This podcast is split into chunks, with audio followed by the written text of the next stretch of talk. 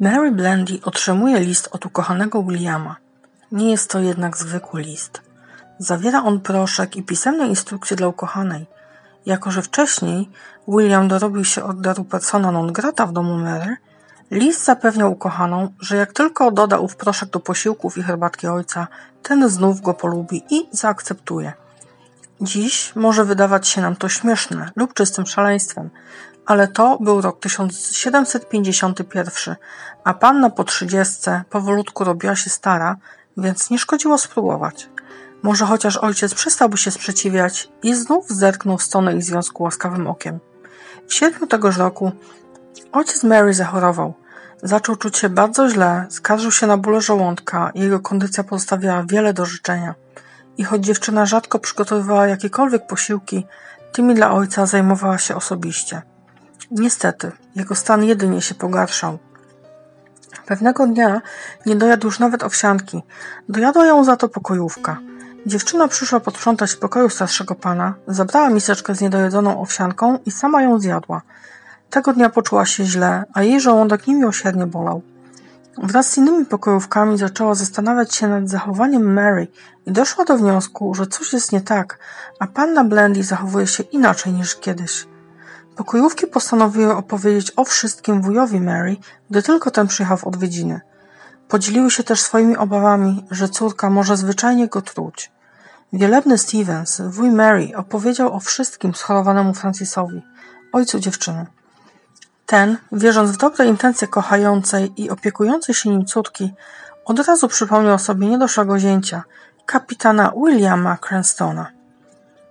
Gdy Mary zorientowała się, co tak naprawdę robiła i jak proszek przysłany przez ukochanego powoli zabijał jej ojca, wszystkie listy podpaliła. Coś chyba jednak czuwało nad sprawiedliwością dla Francisa i pokojówki zdołały wyciągnąć części nadpalonych listów i przekazać je doktorowi Nortonowi, lekarzowi wizytującemu Francisa. Niestety, stan pacjenta pogorszył się tak bardzo, że 14 sierpnia zawołano dodatkowego lekarza, doktora Addingtona. Niestety, mimo wysiłku obydwu lekarzy, Francis zmarł. Z racji przypuszczeń o otruciu i zebranych listów przeprowadzono autopsję. Potwierdziła ona, że pan Blendy zmarł w wyniku przyjmowania arszeniku. Jak zapewne pamiętasz, William przysłał biały proszek w listach. Przeprowadzono więc i analizy pozostałości proszku z listów. Oczywiście był to arszenik. Kim więc była Mary? Mary urodziła się w 1720 roku w Anglii w małym miasteczku Henley nad Tamizą, leżącym w Oxfordshire.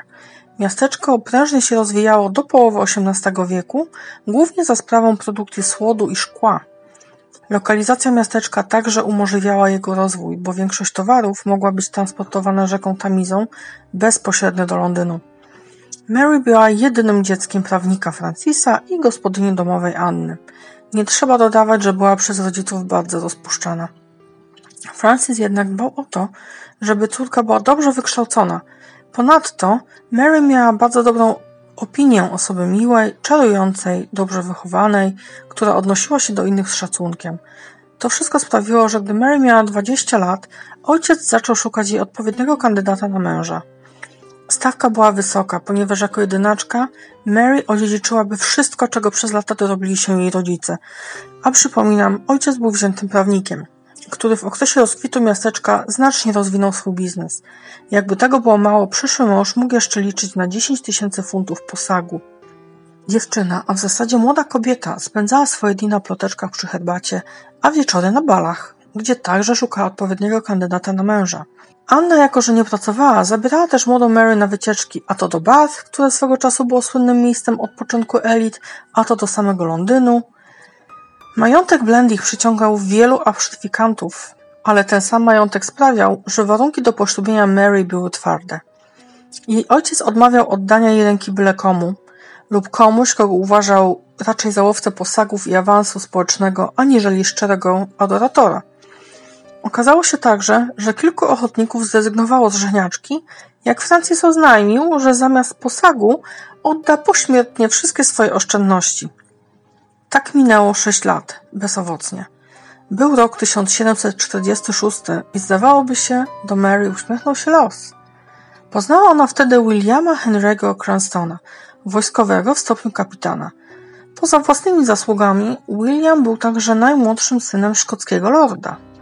Przynależność do rodziny arystokratów sprawiła, że Francis spojrzał na Williama łaskawszym okiem niż na innych, a nawet zachęcał córkę do tej znajomości.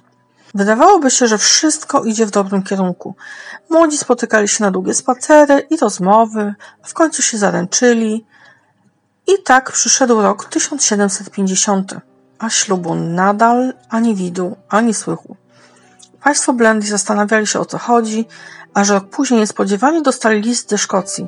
Napisał do nich niejaki Lord Kerr, który przedstawiał się jako wuj Williama i poinformował ich, że William nie dość, że ożenił się rok zanim poznał Mary, to jeszcze ma z tamtą kobietą dziecko. Rodzice dziewczyny ciężko to przyjęli, bo po prawdzie córka zmarnowała na mości panicza pięć lat i była już po trzydziestce. Nie mieli też podstaw nie wierzyć Lordowi Kerrowi, jako że był on bardzo szanowaną osobistością. Do dramatu Mary dochodziły też zależności społeczne XVIII-wiecznej Anglii. Prędzej czy później wydałoby się, że musiała zerwać zaręczyny, bo wybranek okazał się żonaty. To na pewno wzbudziło dodatkowe plotki i stanowiło kolejną przeszkodę w znalezieniu męża. Francis się wściekł i skonsultował z Williamem. Tamten oznajmił, że kobieta, o której wspomniał wuj, tylko kochanka i do tego katoliczka. A ten niby ślub to zwykłe mydlenie oczu rodzinie owej kochanki. Ojciec Mary nie był jednak w ciemię bity i jako, że sam był prawnikiem, to stwierdził, że takie machlojstwa nie są mile widziane i lepiej poszukać ukochanej córce innego kandydata na męża. By wszystko nabrało mocy urzędowej, Francis poczekał na orzeczenie sądu, które miało stwierdzać, czy Willy jest żonaty, czy jednak jest tak jak mówi. Sąd orzekł, że małżeństwo Williama to nie jest ściema dla rodziny Anne-Marie, czyli kochanki, jak twierdził, ale legalny akt. Na domiar wszystkiego nasz kłamca miał odtąd zasądzoną rentę dożywotnią na rzecz małżonki. W międzyczasie Anna, matka Mary, zmarła. Na łożu śmierci kobieta poprosiła jednak męża, by spojrzał na Williama przychylnym okiem i pozwolił młodym na dalsze schadzki, a w rezultacie ślub. Francis może i przychyliłby się do ostatniej prośby małżonki, ale po liście z sądu i z własną wiedzą, jak przebiegają rozwody, ta znajomość była w jego opinii zakończona. Zabronił on także Mary dalszego kontaktowania się z Willem. Ta jednak nie zamierzała słuchać ojca i kontynuowała znajomość. W listach przysłanych do Mary William zapewniał, że niebawem rozwiąże swoje problemy. Przy rencie zasądzonej na rzecz małżonki i opłatach sądowych perspektywa przejęciu majątku Blendy była naprawdę przyjemną opcją. Mary została aresztowana i postawiona w stan oskarżenia. Jej ukochany jednak zdążył wyjechać ze Szkocji i uciec do Francji. Wszystko działo się na tyle szybko, że proces Mary rozpoczął się już 3 marca następnego roku, czyli 1752. Dowody były naprawdę mocne. Sam arszenik, listy, badania, wyniki autopsji Francesa Blandy i zeznania pokojówek, które twierdziły, że Mary czasami wypowiadała się ojcu bardzo nieprzychylnie, żeby nie powiedzieć źle. Sama oskarżona twierdziła jednak, że nie wiedziała, że truje ojca, a jedynie podawała mu proszek na to, żeby polubił kapitana Williama. Nie zapominajmy teraz, że Mary była bardzo dobrze wykształcona, bo ojciec o to zadbał. Czy więc mogła nie wiedzieć? Proces toczył się przed ławą przysięgłych i to oni musieli zdecydować, czy wierzą w magiczny proszek, czy też nie. W bodaj najkrótszych naradach ławy, o jakich słyszałam, bo trwały zaledwie pięć minut, ława uznała Mary za winną.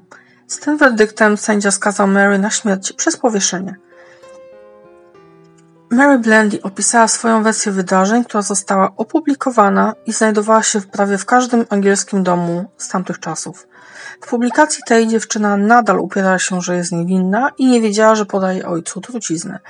Jakkolwiek by nie było, nie uchroniło jej to od szubienicy, na której została stracona 6 kwietnia tegoż samego roku, czyli 1752.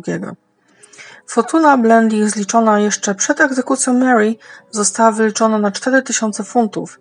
Nie była to więc nawet połowa z obiecanego posagu 10 tysięcy. Niemniej jednak całość została przekazana właśnie Mary.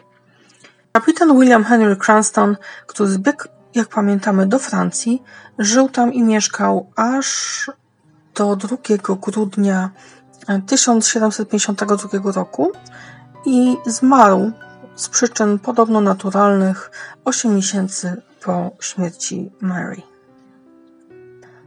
Mam nadzieję, że ten odcinek Wam się podobał, że mieliście troszeczkę wglądu w XVIII-wieczną Anglię. Mm, jeżeli chodzi o odszenik w tamtych czasach, był on ogólnodostępny, można go było kupić w każdej aptece, ponieważ był używany zwyczajnie jako trudka na szczury i taki trochę spoiler alert jeszcze w niejednej opowieści się pojawi.